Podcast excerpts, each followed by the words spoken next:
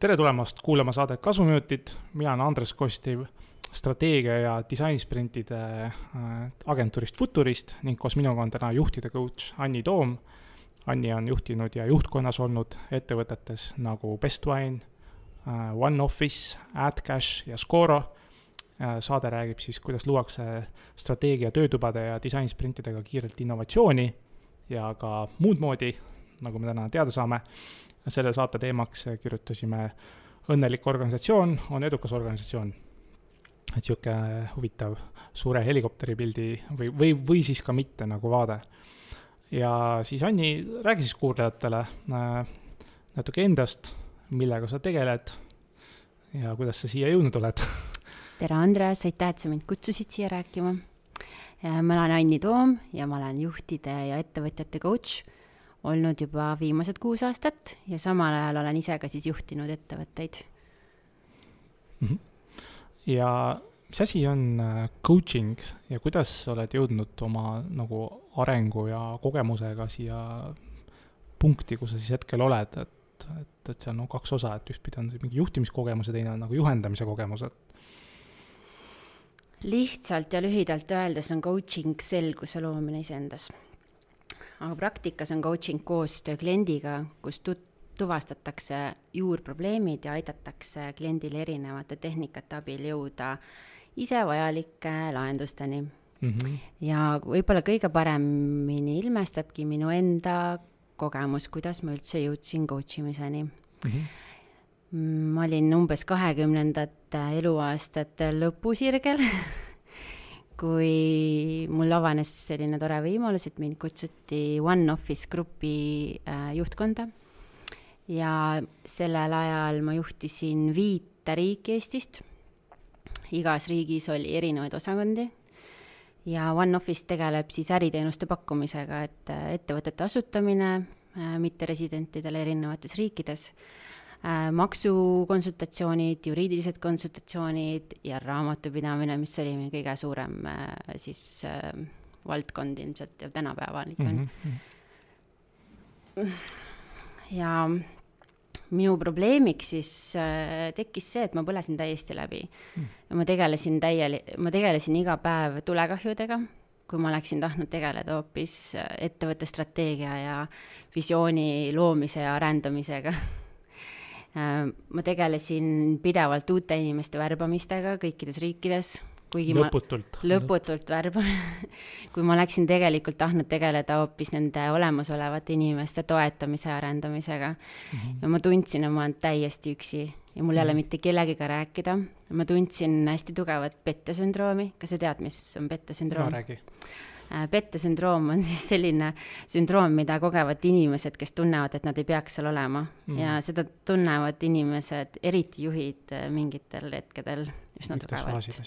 et mhm. see, et kas keegi ikka veel usub, et, et ma olen see, kes peaks siin olema mm. -hmm. ja ja kui ma tundsin sellist läbikukkumistunnet, siis ma tundsin veel ennast süüdi, et ma ei tohiks nii tunda, sest et mind on ju värvatud siia juhtima. et ma pean ju olema siin see, kes saab hakkama ja kes ei fail'i jah, tee see töö ära, mis asi on pillid, onju.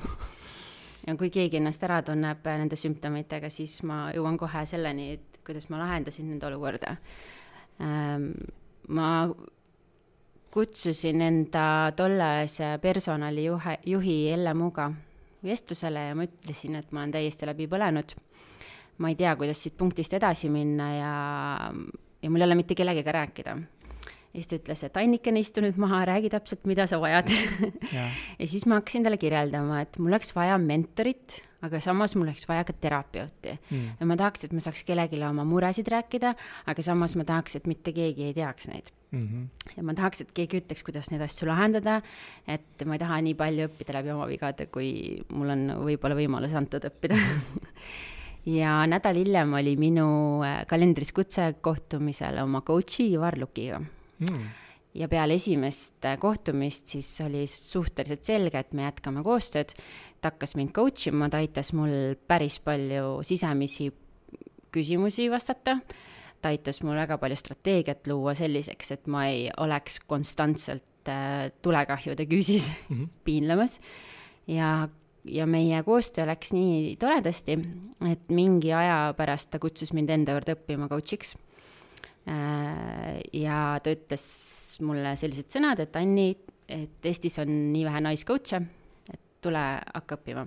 ja see oli kuus aastat tagasi, täna on coach'e väga palju rohkem. ja, ja seda küll jah ei, Ivar Lukk, minu arust ta oli vist Tele2-ga ka seotud ja ühesõnaga väga kogenud äh, tippjuht, väga kogenud tippjuht ja just mul nagu veel meeldib see, et need tippjuhid äh, noh, neil on nagu oma mingi tööalane kogemus ja nad ise need ämbrid läbi kolistanud ja ise nende tulemusteni jõudnud, et siis, siis nad ise õpivad lihtsalt äh, noh, kuidas öeldakse siis, coach imismetoodikat ja kui ma hakkan nüüd coach imismetoodikatel või mingit paralleeli tõmbama, siis noh, ma ei tea, mingi lastekasvatustes on äh, kordon mm., et äh, kuula, kuula, kuula last ja peegelda tagasi ja las laps proovib ise lahenduse leida, selle asemel, et sa siis tema probleeme lahendad, eks ole. ja siis see, mis sa nagu rääkisidki, et see coaching'u mõte on see, et sa, sa ei ütle täpselt, mis tuleb nagu teha, aga sa nagu loksutad selle rännaku kuidagi paika, et ta ise pakub mingi mingi noh, mingi lahenduse välja, mida ta pole proovinud, mida on kaalunud proovida ja sa julgustad seda katsetama ja mul oli ka siin üks klient oli ka, nad tegid äh, disainisprindi meiega ja küsisin ja, et coach soovitas. siis ma rääkisin coach'iga mingi aeg äh,, mitu-mitu kuud hiljem, et, äh, et, et, miks sa soovitasid disainisprinti. ütles, aga ma ei soovitanud. et me arutasime, et mis variandid oleks sellest olukorrast välja tulla ja klient ise nagu kuidagimoodi jõudis sinna, et äh, üks metoodikatest, mida võiks proovida mm.. ehk siis siis mõtlesin, et näed, voila, õige coaching, täpselt. Jah, nii see on, see on väga hea näide, kuidas mm -hmm. coaching võiks töötada. jah, et see on sihuke. ja võib-olla, kui ma siia võin sisse tuua, siis äh, täna minu praktikas on hästi palju ettevõtjaid, kes äh, tunnevad, et nad ei saa endale palgata seda tippjuhti veel ettevõttesse, aga nendel on võimalik tarbida seda teenust ja omada seda paremat kätt, kellel aega-ajalt kõne mm -hmm. teha või kokku saada ja arutada neid probleeme mm. -hmm.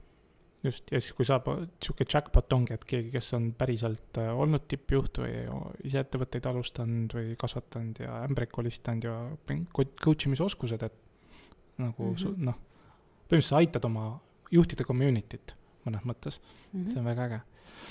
aga siis lähme natuke, sa mitu korda rääkisid sellest äh, stressist ja läbipõlemisest, äh, mis sind nagu iseennast nagu coach'i leidmiseni nagu viis. ja siis niisugune nagu clickbait küsimus, mis siis, mida siis kuulajad ilmselt juba vastust teavad, aga ma siis ikka küsin, et kuidas siis nagu mitte stressis töötajatega organisatsioon on siis edukam kui ütleme, stressis töötajatega organisatsioon ja ma toon ka siia võib-olla sellise, ma ütlen paradoksi juurde, et justkui äh, nagu noh, mida ma kuulnud, et niisugune väga suure produktiivsuse tagaajamine tekitab lõpuks stressi. ja kas produ-, produktiivsus on edukus üldse või, või mitte, et noh, nii palju selliseid nagu nüansse. Et mis, mis sinu niisugune kogemus on olnud?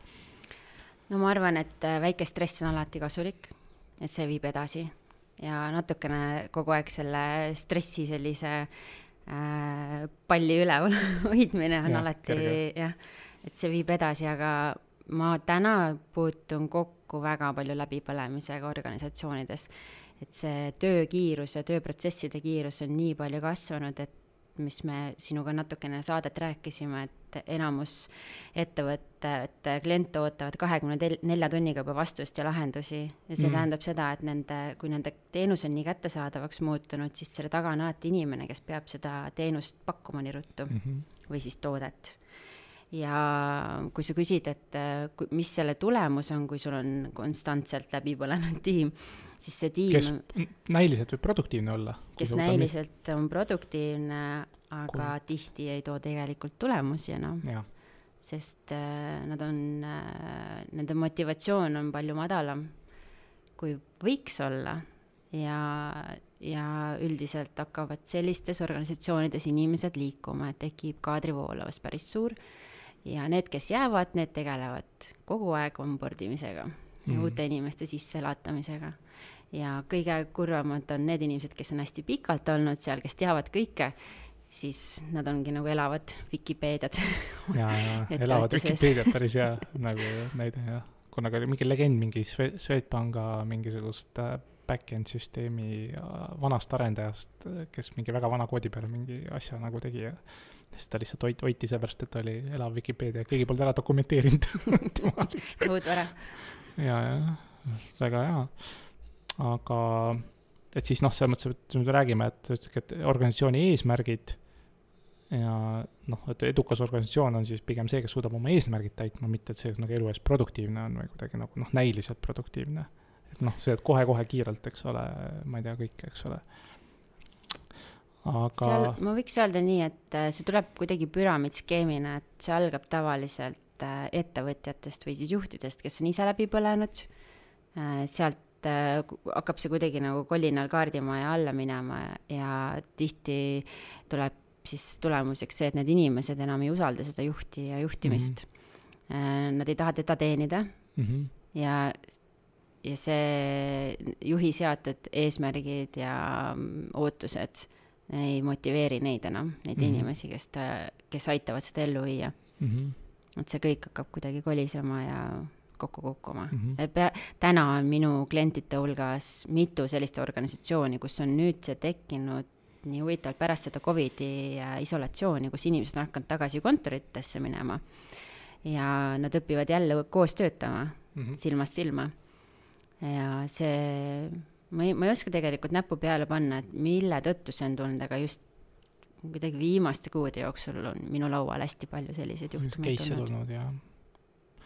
no üks asi, mis võib-olla noh, siin on nagu erinevaid koolkondi, kes ütlevad ühtpidi, et see kaugtöö või kodus töötamine on saatanast ja teistpidi jällegi, et ma ei tea, kontoris lobisemine ja mittetöö tegemine on vastupidi saatanast, et, et kummas, kumb siis nagu on äh, noh, jah, niisugune põhimõte, kui vaatad inimkonna peale, et kui palju inimkond on saavutanud nagu koos tehes, eks ole, või mm. koos külg külje kõrval olles, et siis ma nagu vaatan inimkonna ajaloole otsa, et siis on ilmselt ilmselt nagu õlg õla kõrval olles nagu rohkem saavutatud kui üksi kuskil äh, nokitsedes, eks ole. ükskõik kui produktiivne sa oled. ja, ja teistpidi äh, jällegi me räägime siis juhid, kes äh, teevad ise palju ja nõuavad palju, siis, siis võib juhtuda, et nad teevad hoopis ju mingit pidi töötajate eest tööd ära. et noh, juht mm -hmm. nagu ei tee vahet äh, juhtimisel ja projektijuhtimisel, eks nad mm, -hmm. nad tegelevad ju vahepeal mingi projektijuhtimisega, ehk siis kustutavad tulekahjusid.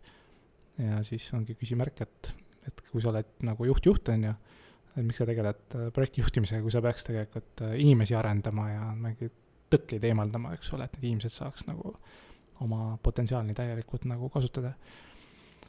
Ma läheks võib-olla korraks tagasi selle kodus töötamise juurde, et Ehm, ma arvan, et tasakaal on ülioluline ja õnnelis-, õnnelikus organisatsioonis on palju vabadust inimestel ja, ja paindlikkust. et kui sa tunned, et sinu pere väärtustatakse või kui sul laps on haige ja sa võid tehagi kodus tööd, siis ma olen üldiselt näinud, et inimesed on äh, väga tänulikud ja palju produktiivsemad tänu sellistele mm -hmm. võimalustele. see ongi see paindlikkus. jah, aga inimesed vajavad inimesi. ja kui mm -hmm. inimesed töötavad koos, siis siis see on oluline, et nad äh, näevad üksteist aeg-ajalt ja mm -hmm. puutuvad omavahel kokku ja tunnevad üksteist mm. -hmm. et mu, mul oli elukaaslane, kes vahepeal käis äh, tööüritustel ja siis ta nägi inimesi, keda vahepeal oli värvatud esimest yeah. korda, kellega ta polnud kunagi varem näinud ja, ja kellega ta oli vaid Slackis suhelnud. jah, veider on ju mm -hmm., jah.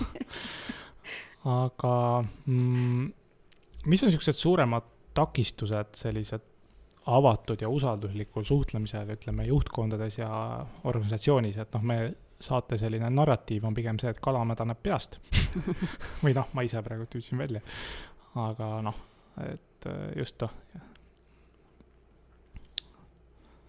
No kui ma käin tiimides tegemas coaching ut, tavaliselt ma alati alustan juhist.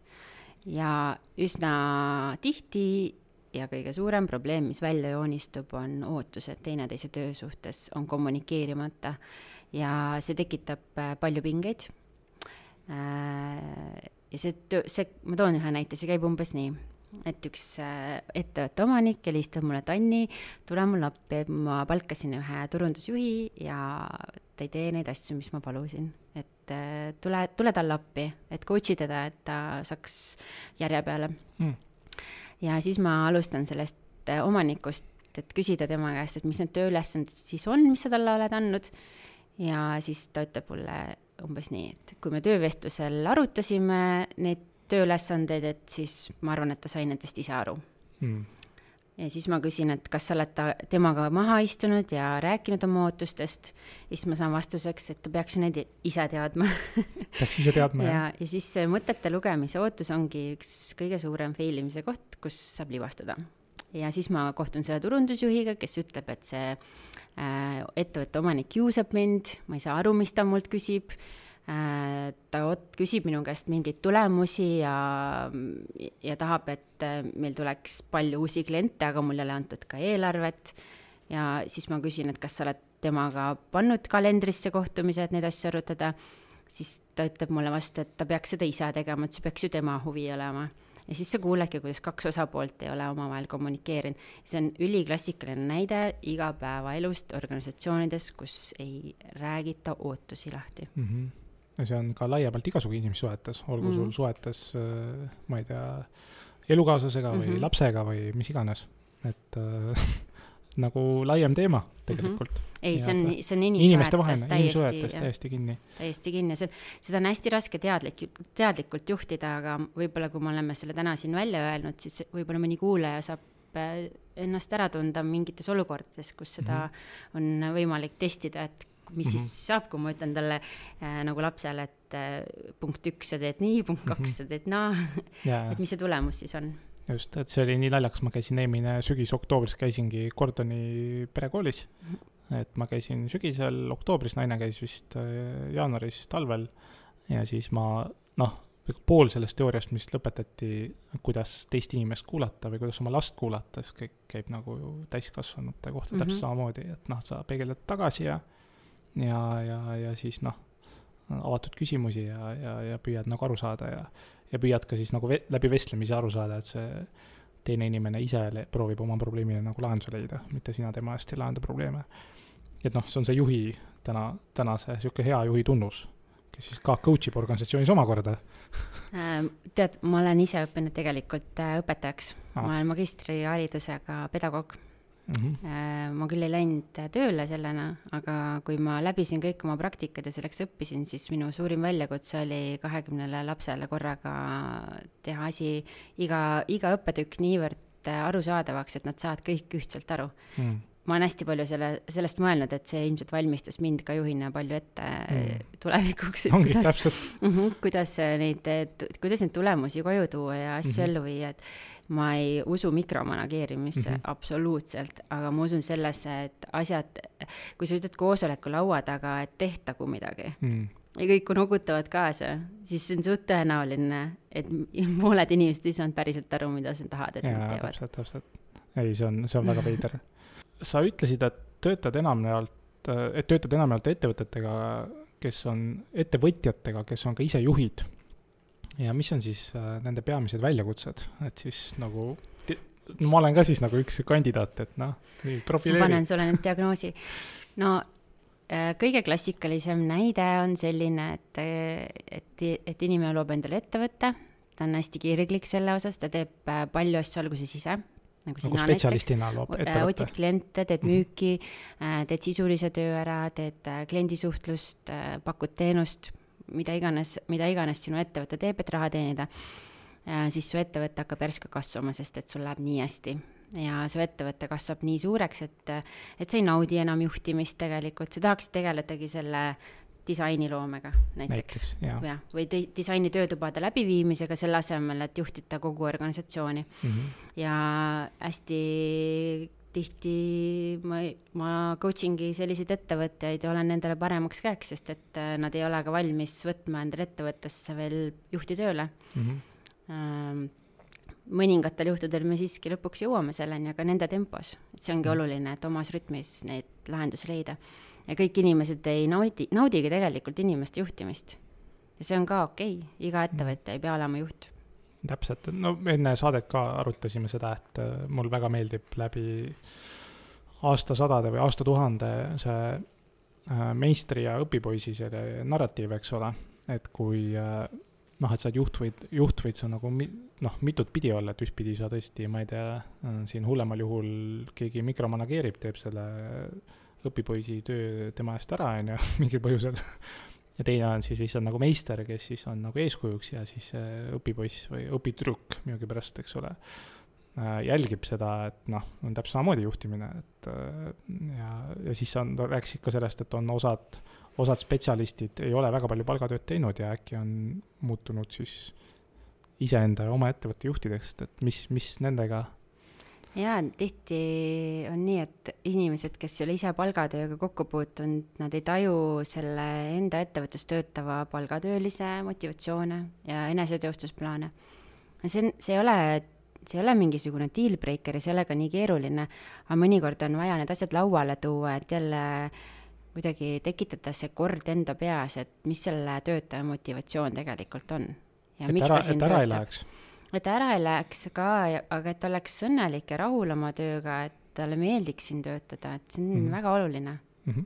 tegelikult iga ettevõte tahab, et äh, nende organisatsioonis ei oleks sellist probleemi igapäevaselt, et kas nende inimesed on õnnelikud või mm -hmm. kas kõik tahavad ära minna, kei-, noh, mõtle, kui sa töötad, kui sa saad sellist ettevõtet juhtida, kus sa ei pea muretsema inimprobleemide pärast mm, -hmm. mõtle, milline lust see oleks aga paratamatult on paratamatult. elu teistsugune. ma tõin sulle ennem ka ühe sellise näite, et, et ma olin ise, ise olen saanud päris huvitava õppetunni, kus mina arvasin, et kõik inimesed tahavad saada juhtideks, lähtudes iseenda mõtlemisest ja siis täpselt. mul oli üks ettevõte, kus mul oli üks staartöötaja, kes tõi palju raha sisse ja ta oli parim töötaja üldse. Ja siis meie mõtlesime koos, koos ülejäänud juhtkonnaga, et mis oleks, kui me paneme sellesama töötaja osakonda juhtima ja siis ta teeks veel neid rahategijaid juurde ja õpetaks nad kõik nii ägedateks. ja, ja me saime suure pettumuse, kui ta sellele pakkumisele ei ütles ja väga hea põhjus oli, sest et ta ei taha inimesi juhtida, ta ei naudi seda ja ta ei, ta ei ole kunagi seda soovinud mm. -hmm. ja siis oli minu selline esimene suurem arusaam, et mitte kõik inimesed ei soovi olla juhid mm. -hmm ja mõni väga-väga spetsialist peabki olema elu lõpuni tegema seda, mis ta teeb, sest et ta naudib seda ja ta on selles hea mm. -hmm. seepärast noh, juhtimisega tulevad ikkagi eh, noh, inimsuhete, no kõik need psühholoogia, psühholoogia nagu väljakutsed ja sellised kogu coach imisväljakutsed ja kuulamisvälja, kuulamisoskused ja kõik siuksed asjad, eks ole, mängu ja ma usun, et äh, need inimesed, kes tegelevadki sellise tegevjuhtimisega, et sa oled ettevõtte omanik, siis sinu põhitöö ongi inimeste juhtimine mm,. Mm, nii on jah. nagu minul on, siis on ja, viimastel täpselt. aastatel jah. jah, täpselt ja, ja noh, mina, ma jälle tõlgin, et okei okay,, et sihuke hea juht äh, leiab, äh, eks ole, talendi äh,, kommunikeerib talle ootused, eemaldab igasuguseid takistusi, et see nagu talent mm -hmm. saaks areneda ja väärtust pakkuda ja ja siis kogu lugu, siis ülejäänud ajaga lööb lehte, noh, tegelikult. jah, väga hästi sõnastatud või käib golfi mängimas. jah, golfi mängima siis kui täpselt, golfis saab müüki teha. nii äh,, mis sa arvad sellistest koosloomeprotsessidest nagu näiteks äh, modereeritud äh, töötoad, mis siis on, ma ei tea, keegi modereerib ja mingisugune nagu lauamängureeglid, nii no ma olen igasse ettevõttesse selle sisse juurutanud ühel või teisel moel, et ma arvan, et need on väga olulised ja täna ma teen ise tiimi coaching uid mm -hmm., noh, modereeritud töötoana, aga näiteks kui ma äh, töötasin AdCashis, siis mu üks kõige ägedam elukogemus oli töötada koos ühe endise Google'i äh, produkttiimi juhiga mm, -hmm. kelle nimi oli Toomas Tran ja mind kuidagi õnnestus AdCashil ta Eestisse meelitada tööle ja ta õpetas siis Google'i tootesprindi metoodikat tervele ettevõttele mm. -hmm. ja me tegime sellise sprindi kaks nädalat, kus tulid kõik äh, siis, kõikide osakondade, ütleme niimoodi, et ähm, kõige tähtsamad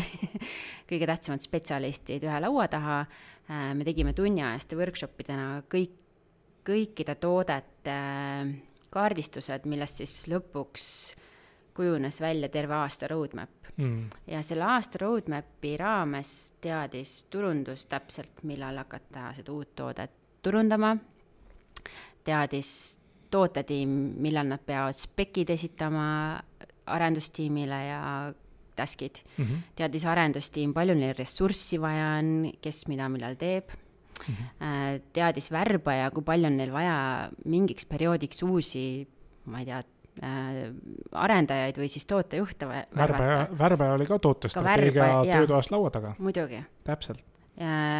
teadis ettevõtte omanik, mis mm -hmm. selle aasta ootused on ja teadis finantsjuht, kui suured kulud sellel kõigel on ja mis tulud sellel kõigega on, kaasnevad mm. -hmm. et me, no me saime tänu sellele sprindile tegelikult terve ettevõtte aasta strateegia koostada. ja kestis kaks nädalat?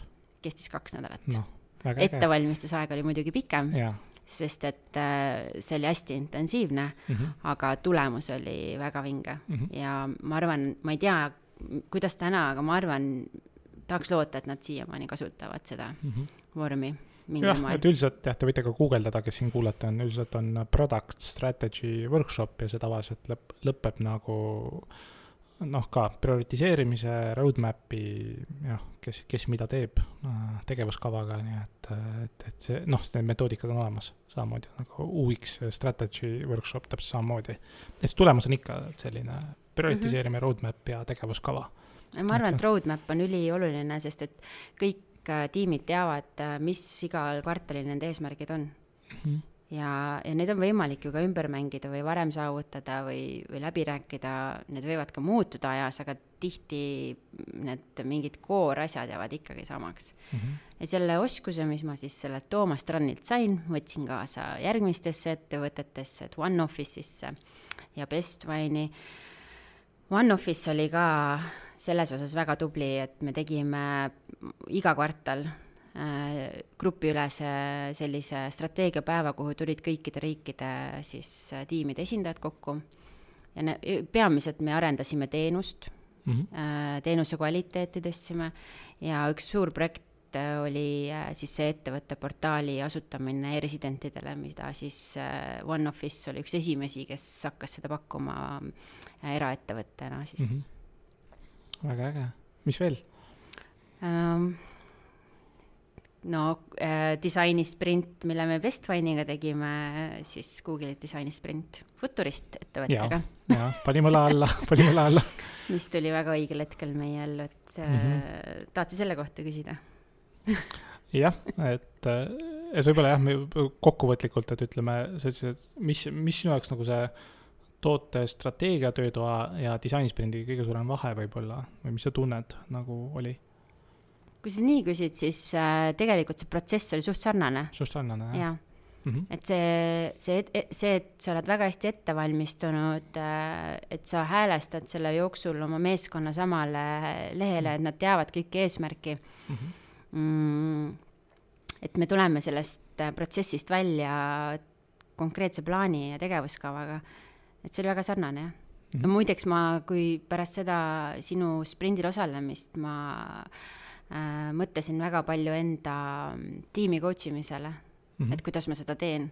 ja see, see protsess äh, on väga sarnane mm. -hmm. kuigi Kaasa. ma, jah, kuigi ma teen päris palju emotsionaalsemate probleemidega ja. tööd, aga, aga see on väga sarnane mm. -hmm et eks need, samast koopast on need metoodikad pärit, et mm -hmm. tegelikult, tegelikult seal on vist, no üks põhimõte ongi äh, märgi ja hääleta, note and vote, eks paned kirja see mingid täpikesed või mis iganes, klepekad või millegipärast ka tahvlipildiga ots ja siis hääletatakse ja siis vaadatakse, et mis see nagu, mis, mis idee või äh, nagu lahendus kõige rohkem hääli sai ja minnakse järgmisesse faasi.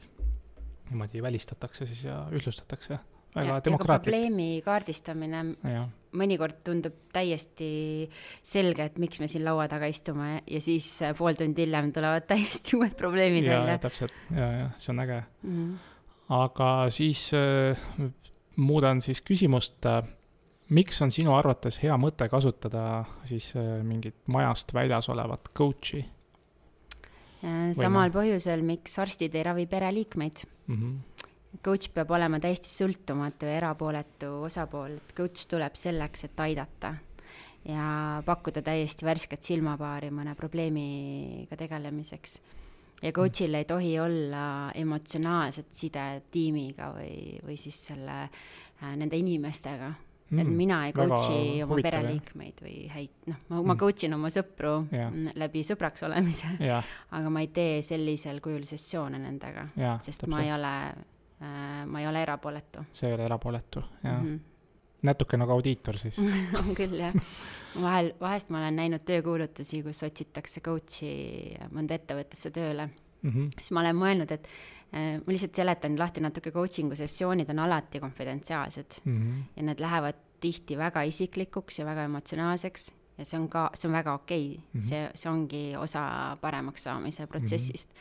-hmm. ma olen mõelnud selle peale, et mina ilmselt ei suudaks järgmine hetk minna sinna kohvinurka lõunale oma coach idega ja siis rääkida niisama elust. noh, mis tegid Jah. nädalavahetusel jah, stiilis võib-olla kindlasti on nii tugevaid inimesi, aga mina ilmselt äh, parem hoiaksin äh, seda mm Mhm. -hmm. distantsi, võib-olla mõnikord ka on põhjus, miks nõukogu liikmed hoiavad juhatusest niimoodi distantsi võib-olla tõesti ja, ja mõnikord on põhjus, miks juhtkond hoiab ka töötajatest niimoodi distantsi, kes on Mhm. väga nagu tõsiselt coach ib mm. -hmm. ja, jah, no see, see on jälle kahe teraga mõõk, et mõnikord äh, ma lihtsalt toon ühe elunäite, mul oli üks äh, klient, kellel, kes äh, tuli minu juurde probleemiga, et tal on üks töötaja, kellega tal on abi vaja ja siis, kui me sinna probleemi sisse süvenema hakkasime, siis tuli välja, et see töötaja on hästi hajev ja ta ei deliver enam neid tulemusi ja ta on olnud väga, väga hea töötaja muidu mm. -hmm.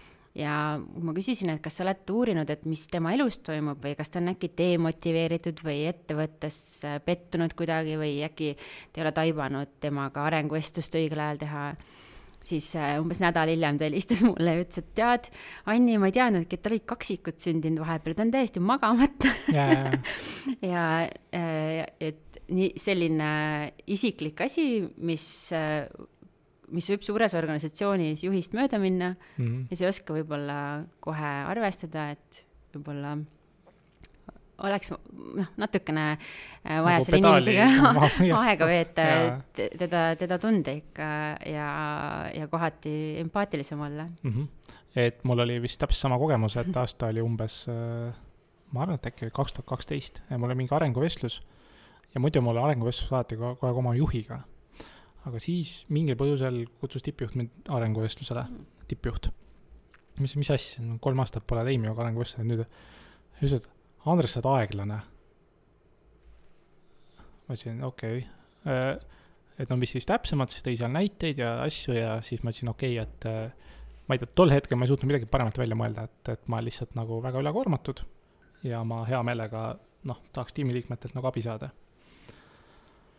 ja kuna ma ise siis olin ka nagu ikka noh, sihuke no mis seal ikka, teeme ära, aga, aga tegelikult ei, ei saanud sellest pihta, et mul oli üheaastane poeg, ma olin vist iga päev, ma ei tea, kell viis või kuus hommikul üleval, kuna ta oli nagu ülivarajane ärkaja, niisugune action jackson kuni õhtuni välja, ma esimest korda lapsevanem, kanaisa ka võib-olla, mitte ei ole ainult kanaemad, ja, ja ma lihtsalt noh, nüüd tagantjärgi võttes ma arvan, ma olin lihtsalt kaks aastat nagu suht pool zombi, kuna mul olid mõtted mujal.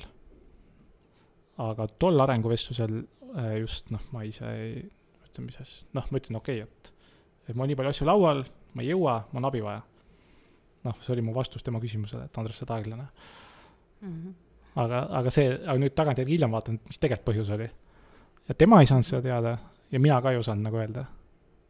Aga sa tundsid seda, et enne, kui sa ise ei olnud äh, värske lapsevanem, siis äh,, siis sa ei mõelnud nendele asjadele oma kolleegide absoluutselt mitte, jah, Mhm. jah. et nüüd ma võin öelda jah, ma olin kaks aastat, laps oli üks kuni kaks, ma olin suht nagu udu kogus nagu tööproduktiivsuselt, kuna mul noh, Mhm. mul reaalselt olidki nagu mõtted mujal. aga see ei tähenda seda, et ma kolmas, neljas, viies aasta ei või olla väga äh, nagu hea töötaja, eks ole. et see oli nagu natuke ouch. aga siis äh, sa, sa oled ka, et on nagu kogemus olnud, et siuksed nagu tok-, toksilised õhkkonnad või et mm. -hmm. mis, mis, mis sul sealt nagu meenub? no kui mind on kutsutud tiimi coaching co- ule coach'ina mm -hmm. siis Mhm. nagu toksilist äh, õhkkonda lahendama. äh, kui mind on kutsutud tiimi coaching ule ja selle eesmärgiga, et teha ettevõttele üks tore uus strateegia, et kasvatada ja ettevõtte käibeid kasvatada, siis äh, ma ei saa seda teha tiimiga, kus on toksiline õhkkond. ja alati me alustame kõigepealt selle tiimi äh, emotsionaalse vaimse tervise parandamisega äh, seda, seda tegelikult on minu töös kõige rohkem äh, nende selliste isi-, inimestevaheliste probleemide lahendamine ja, ja selle, tegelikult selle ühe toksilise inimese üles leidmine, kes seda kõike sealt seest juhib. alati on see üks inimene, kahjuks. kes juhib mida? kes juhib seda toksilisuse meelestatuse õhutamist mm. kolleegiumis mm. -hmm. ja võib-olla ka sellist juhile vastuseisu. kuna ta on spetsialist, ta on kaua olnud, ta mm -hmm. on nagu. palju pettunud. Seal on olnud palju ootusi teineteise suhtes mm, -hmm. mis ei ole realiseerunud mm. -hmm. juht ei ole tähele pannud, et õigel ajal võib-olla palka tõsta või mm. -hmm või siis ei ole arvestanud tema puhkusesoovidega. jaa, näiteks. jah. aga mul oli üks selline hästi tore juhtum, kus oli tiim, Äh, kuhu mind kutsuti appi ja pool tiimi tahtis ära minna.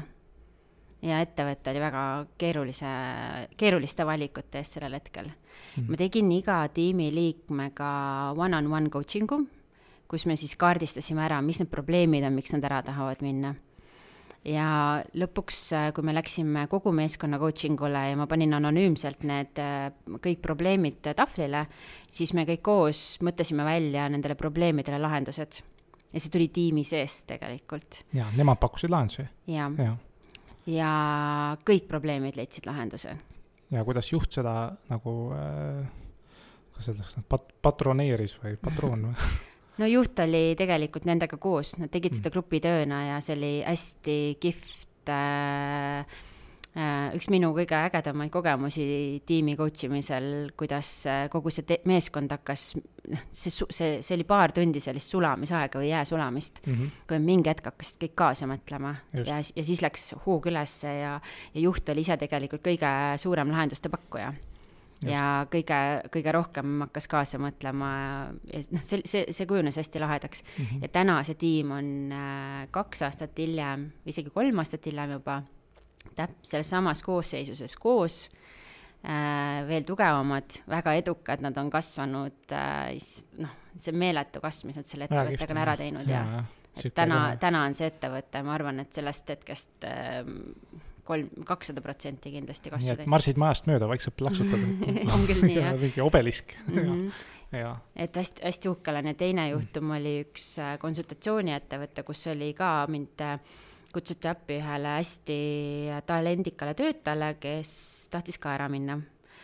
Äh, ta oli läbi põlenud ja kui me hakkasime temaga koostööd tegema, siis selgus, et tema ambitsioon oli saada partneriks, aga ta ei olnud seda äh, Äh, kunagi kommunikeerinud omanikele ja omanikud ka ütlesid, et nende tulemustega kindlasti ta sinna ei jõua.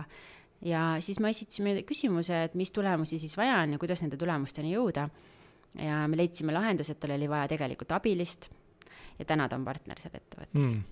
väga kihvt näide mm. -hmm just, et äh, see. et custom-made lahendusi teha inimestele ja rollidele, et see on mm -hmm. äh, üli, ülimalt võib muutuda, muutuda just. nagu kogu see tulem just me Futuristiga siis äh, erinevate nagu käsitööna tehtud probleemide lahendamise töötubadele kasutame niisugust töörida, tööriista, meie nimi on siis välkotsuse töötuba, inglise keeles on see äh, Lightning Decision Jam, Lightning Decision Jam, et Youtube'is on juhend ka selle kohta. et kus siis tõesti täpselt samamoodi on äh, väljakutse tiimil ja siis äh, see tulemuseks on siis äh,, tiim pakub ise ideesid, kuidas lahendada ja siis äh, ka tegevuskavad lepitakse kokku. et LDJ on siis nagu see lühend, et, et see on disainisprindist inspireeritud töötuba, nii et äh, suht sama asi.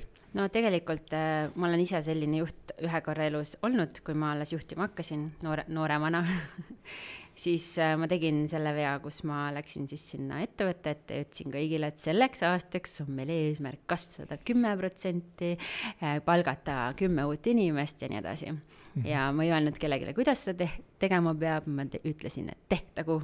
ja läksin uksest välja nii nagu Hollywoodi filmis, nii nagu Hollywoodi filmis, board ja, meeting. ja siis äh, õppisin öö, oma õppetundide läbi, et nii need asjad ei käi eesmärgid peab tegelikult äh, töötaja ise mm -hmm. aitama seada ja selle kogu teekonna sinna, et need tuleb ja. koos läbi nämmutada, kuidas et siin on jah, käib see kava okride ja OKR-ide haip Mhm. on ju, et noh, et tegelikult jah, kuulajatele ka, et, et kui neid korralikult ehitada, siis on see, et see, see töötaja paneb ise need eesmärgid paika ja kommunikeerib need paremale-vasakule kõigepealt ja siis ülespoole, mitte et vastupidi, nagu sina seal seisid. aga kas sa oled, kas sa oled kuulnud selliseid ettevõtteid, et kus juht tuleb ja ütleb, et ma lubasin äh, board'ile äh, sellel aastal kümme protsenti kasvu ja teie öelge nüüd, kuidas me sinna jõuame?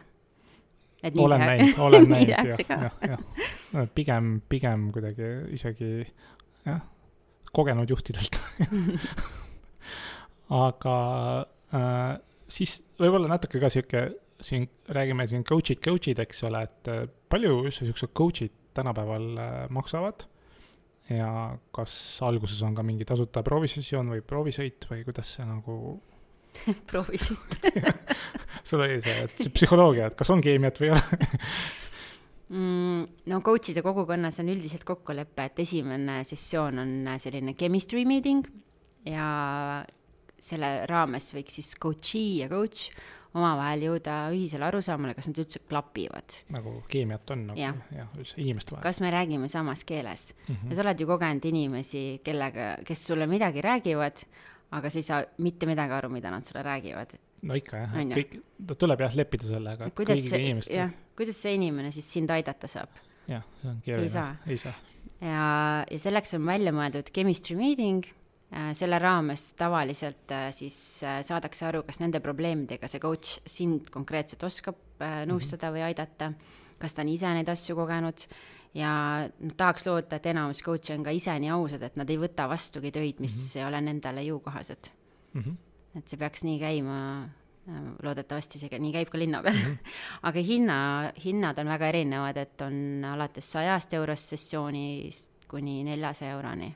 Ma isegi olen kuulnud ka äh, tuhandeid eurosid Jah. sessiooni eest, kui sa konkreetselt äh, tahad, ma ei tea, mingi tippjuht, kes sul on väga suureks eeskujuks, kes on ülihõivatud, kes võib-olla oskab ka siis neid coach imismetoodikaid, aga noh, sa ostad tema aega lihtsalt ära ja selle, need tunnid Mhm. võivad väga kallid lihtsalt olla. Ja noh, see ole-, see küsimus on sul väga hea, aga ma ütlengi, et väga raske vastata, jah, et see on nii, nii erinev, sest et on, noh, me sinuga ennem rääkisime ka, et on osad coach'id, kes teevadki neid one-on-one sessioone Mhm. eraisikutele, kes tahavad lihtsalt elus leida mingeid vastuseid aga siis on ka juhtimiscoach'id, kes tegelevadki mm. -hmm. tippjuhtide toetamise paremaks käeks olemisega. Mhm. Et äh, need metoodikad on väga sarnased ja kogemused on väga erinevad mm. Mhm. -hmm. see kogemus on tõenäoliselt see, mis maksab, aga mm, jah, mina soo-, minu soovitus on see, et äh, et käige kohtumas erinevate coach idega ja vaadake, kes sulle sobib. Mhm. ja, ja hea- häid coach'e sulle soovitatakse, et äh, nad tulevad Mhm, või teine variant on see, et võib-olla sa väga fännad mõnda juhti ja küsid mm, Mhm. -hmm. et kas sa coach'id. ja siis, kui ta ütleb, et võib-olla ma ei coach'i ja kahjuks pole aega või ei taha, et sa võid küsida, kas keegi selline nagu noh, sina oled, coach ib, mm. -hmm. siis ta võib-olla oskab öelda näiteks. ja nii ongi. see Jah. ongi nagu sihuke kogukond, et noh, aidatakse tegelikult, mõnes mõttes ju juhid aitavad üksteist. see on nii, ja kui ma võtangi selle kokku, mis, mis sa küsisid, et mis see coach imine on ja miks seda vaja on, et just ju-, noh, ma, ma räägin siis enda tööst juhtide coach imisest, siis äh, kui, kui sul ongi see moment, et sa tunned ennast täiesti üksikuna ja sul ei ole seda ühte, su noh, abikaasa on ära väsinud nendest asjade kuulamisest, ei taha sulle enam nõu anda ja, ja, ja ta ei ole võib-olla ka selleks nii pädev, siis, siis ma väga soovitan proovida, alati testida erinevaid variante ja miks mitte ei või see coach ühel päeval olla sinu ettevõtte tegevjuht, nagu juhtus minuga. mõnda aega. jah, mõnda aega, kui ma läksin äh, Bestwine'i omanikule coaching ut tegema ja sellest tuli välja selline mõneaastane koostöö, kus ma juhtisin tema ettevõtet. jah, täna, täna on see ettevõte nii heas seisus, et nad saavad ise väga hästi hakkama ja nad on suurepärase töö ära teinud. Mhm. just, ennem mainisid ka korraks seda disainisprinti, millel te Futuristiga osalesite, et võib-olla korraks läheks detaili ka, et äh, mis sul meenub sellest äh, koosloomeprotsessist, et seal oli ka niisugust neli intensiivset päeva, mis te veetsite äh, Ibis hotelli suures konverentsiruumis, kus oli kuuma laine ajal konditsioneer. täpselt, kõik olid plätudes ja lühikestes pükstes jooksid ringi, jah. noh, kiire eellugu, Covidi ajal läks Bestwine e-pood äh, väga aktiivseks mm. -hmm. meil tuli väga palju uusi kliente ja ma, ma arvan, et esimese Covidi laine ajal oli kakssada protsenti e-poe kasv. ja, ja sealt edasi läks see suht samas rütmis. Ja me mõtlesime välja, et me võiksime seda e-poodi tänapäevasemaks muuta ja kasutajasõbralikumaks, et see tagasiside tuli klientidelt endalt ka. Mm. -hmm ja meie esimene mõte oli, et äh, nagu paljudel, et palkame mõne progeja IT-mehe mõne IT-mehe, kes selle meile valmis teeb, selle uue e-poe. aga õnneks meil oli siis äh, õnne, õnne oli väga palju, sest et sina võtsid minuga just siis ühendust mm -hmm. ja seletasid mulle ära, mis meil tegelikult vaja on mm. -hmm. ja ma... sa rääkisid ka käibeambitsioonidest, ma mäletan, et olite mingi kahe peal, eks ole, ja siis mm -hmm. paar aastat hiljem jõudsite nelja miljoni peale, jah ja see, see oli ka huvitav, kuna meil on äh, iga osakond äh, tegeleb täiesti erineva valdkonnaga, et mm. meil on restoranid äh,, kes tegeleb jaekaubandusega, kes tegeleb siis äh, tootevalikuga, kes tegeleb poodidega ja nii edasi. Ja me võtsime kõikide osakondade juhid äh, põhimõtteliselt kaasa sinna disainsprindile mm Nad ei ole elus äh, puutunud kokku sellise arendus äh, nende küsimustega ja. või selle mõt-, mõtlemisega, et kuidas võiks inimene käituda, kui ta tuleb esimest korda meie e-poodi mm. -hmm. ja mulle meeldis väga selle loomeprotsessi käigus see, et, et kuigi anti ühele inimesele mandaat kõike muuta, siis äh, seda polnud vaja, sest mm. meie tiim mõtles täiesti ühes rütmis ah,. samasse, samasse auku mõtles, jah ja see, see on, see on väga hea tulemus alati. see, see juhtus, see juhtus selle protsessi käigus, sest et mm -hmm. see mhm. protsess oli nii hästi ja loogiliselt üles ehitatud mm, -hmm. et iga probleem, mille lahendust me hakkasime lahendama, me jõudsime väga kiiresti sama tulemuni, tulemuseni mm -hmm. ja, ja see see võimas võidutunne sellel viimasel päeval, kui me nägime esimest prototüüpi oma võimalikust e-poest, see, me olime nii, me olime nii suures elavuses. ja täna. rallisõitjad kapoti peal ja. see oli nii, see oli see käegakatsutav tulemus mm., mida ilmselt kõik tahaksid selliselt, mm. ükskõik mis workshopilt saada. et ei ole mingit jutupunkti mull-mull ei jää, vaid sul on no kas tegevuskava või käegakasutav tulemus mm -hmm. on ju. et täna on bestvine.ee e-pood laivis mm. -hmm ja loodan, et, et on piisavalt kasutajasõbralik ja, ja. tänase, tänapäevaste nii nagu te vaeva nägite seal kõik koos. jah, ja mina olen väga rahul selle tulemusega. väga äge uh, aga võib-olla siis jah, intrigeeriv küsimus, et mis oleks juhtunud, kui sprinti poleks toimunud, et just võtad see neli päeva, mis oli mingisugune juulikuu alguses või mis iganes ma arvan, et konkurendid oleksid meie klientuuri üle võtnud mingil moel, oleks mm. teinud Äh, parema, parema kasutajamugavusega e-poe rutem ja, ja ega e, kui me tegime uurimust, et kes meie e-poe kliendid on, siis äh, pigem nad olid inimesed, kes guugeldasid, et vein online vein e-pood vein e-pood, jah. ja, ja, ja, ja ma arvan, et äh, et see oligi tulemus. jah, et nad ei guugeldanud veinikunst ma arvan, et kui nad guugeldavad veinikunst, et võib-olla nad isegi jõuavad ka meie leheni ah,. väga hea, vaadake üle.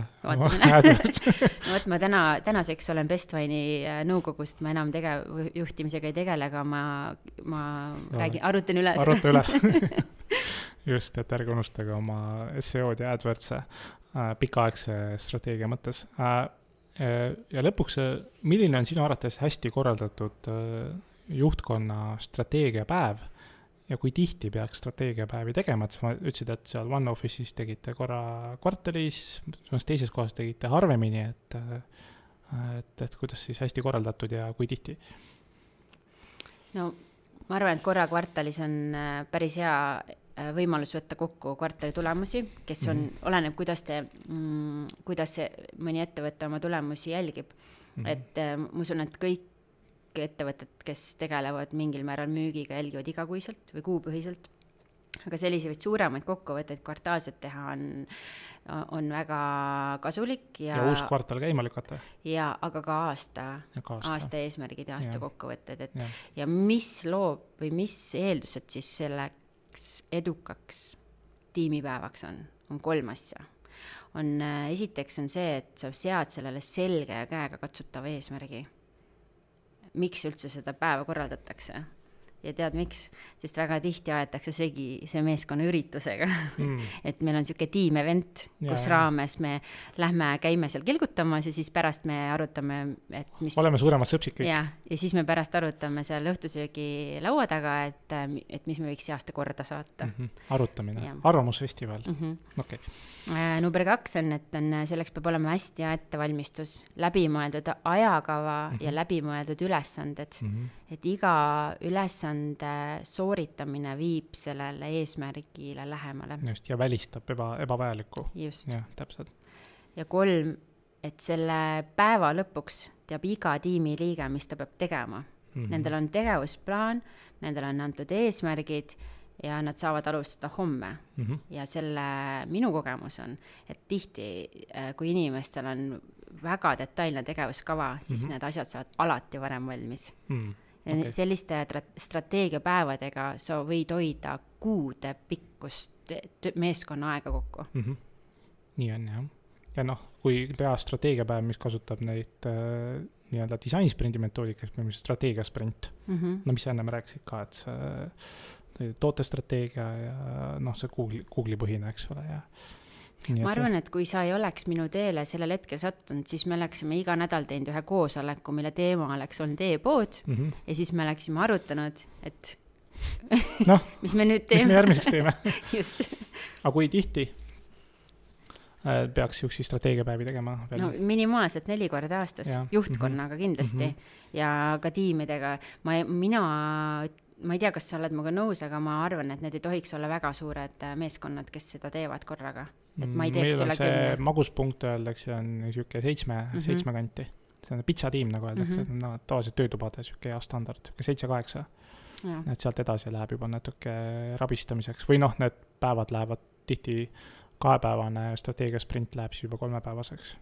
võin sult küsida vastu? jah kui sa kliendiga arutad sellise töötoa tegemist, mm. -hmm. mis need, mis need põhipunktid on, mis te ennem paika panete äh,? kuhu jõuda tahakse, et, et kas on tulemuseks jällegi individuaalne te tegevuskava näiteks igale töötajale või teine variant võib üldse olla, et ettevõte üldse ei tea, kuhu nad nagu pikaaegsem, mis on üldse nende eesmärk nagu pikaaegsem mm. -hmm. seda ei tea, et täiesti oleneb, et mis on vaja nagu saavutada. ja sealt tagasi pannakse käsitööna see sisu kokku. et mis harjutused, mis need annavad ja, ja noh, niimoodi pannakse, et kui disainisprint ise on nagu viie minuti, minuti kaupa standardne protsess, võite lugeda seda äh, või kuulata Audible's äh, sprintraamatut või äh, Äripäeva e-poes on ka sprint eesti keeles, et siis strateegiasprint on, ta kasutab disainisprindi metoodikaid, aga ta pannakse siis kokku personaliseerituna igale ettevõttele ja mm -hmm. ka täiesti konfidentsiaalsena. ja see on ka hästi oluline, et need teemad oleksid kitsad. jah see, et väga raske on, kui tuleb äh, sulle selline äh, palve, et me tahaksime, et meie ettevõte kasvaks järgmine aasta kümme protsenti, punkt. jah, vot. näiteks, et me tahame, et meie teenus oleks vipp, me tahame oma teenust arendada paremaks või mm -hmm. meie toode oleks efektiivsem mm. -hmm. ja nii edasi, et meil tuleb rohkem kliente, et me kasvatame mm -hmm. oma, ma ei tea, subscriber eid mm. -hmm see kümme prossa kasv on väga hea eesmärk, aga kui tulemuseks mm -hmm. on see, kui iga tiimiliige teab, mida ta, peab äh, keskmises või pikemas plaanis tegema, et see saavutada töötoa tulemusel, siis ma arvan, et on väga hea, väga hea tulemus. aga sellega täna lõpetame, äh, aitäh kuulamast saadet Kasuminutid, äh, saates olid siis Andres Kostiv strateegia ja disainsprintide agentuurist Futurist ning koos minuga oli täna juhtkonna või juhtide coach Anni Toom ja saade on siis järelkuulatav Apple, Spotify ja teiste podcast'ide rakendustes ja Youtube'is. et likeige, jagage, kuulake meid järgmistel nädalatel ja lugege meie blogi Futurist veebis. Kuulmiseni, tšau. tšau. Just